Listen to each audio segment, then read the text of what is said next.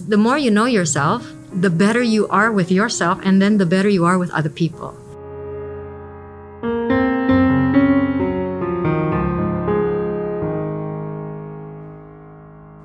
Kalau kamu ditanya, siapa sih yang bisa membuat kamu bahagia?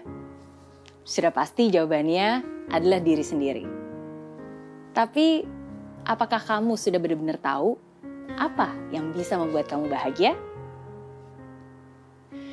Dari Marisa Anita, kita bisa belajar untuk mengenali diri dengan baik.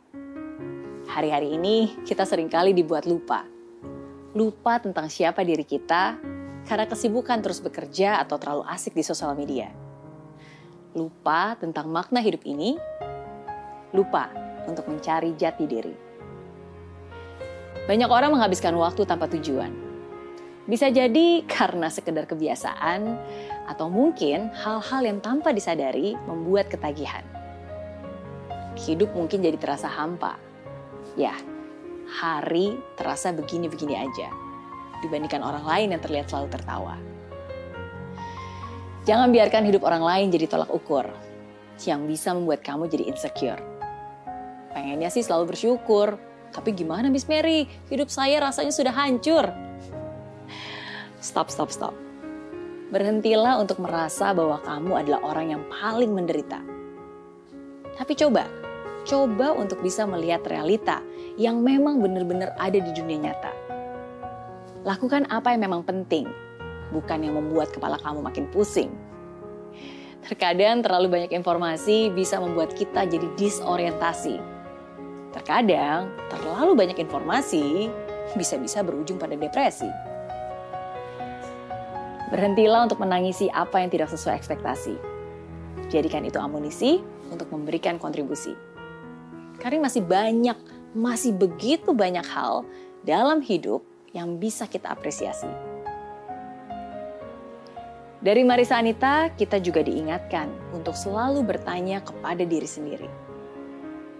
Ambillah waktu sejenak untuk menguak semua yang ada dalam benak. Apakah ini berguna untuk saya? Atau mungkin tidak berguna? Apa yang saya suka? Apa yang saya bisa? Putuskan dan lakukan apa yang bisa membuat kamu merasa nyaman. Di zaman yang semakin maju, gadget mungkin memang perlu. Begitu juga dengan media sosial yang selalu membagikan banyak hal. Tapi ingat, jangan biarkan kamu jadi banyak menghayal dan jadi nggak masuk akal. Apalagi menjadikan itu semua hanya untuk menjadi terkenal. Karena pikiran adalah aset yang paling mahal pergunakan dengan maksimal dan jangan sampai menyesal. Hidup ini bukan hanya sekedar scrolling dan posting. Tapi ada begitu banyak hal yang jauh lebih penting.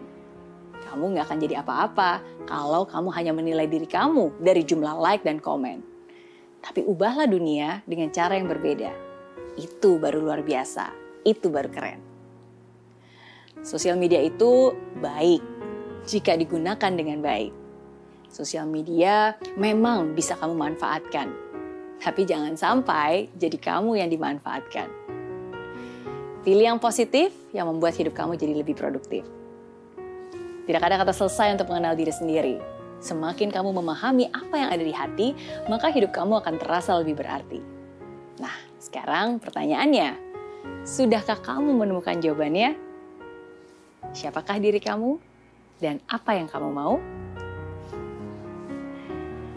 Saya Mary Riana, and this is Zero to Hero Lessons from Marisa Anita.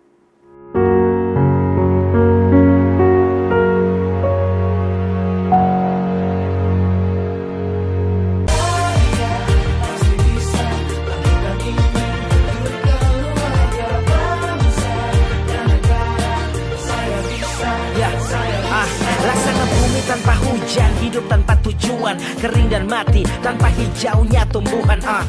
Demikian kalau mimpi tak kunjung terjadi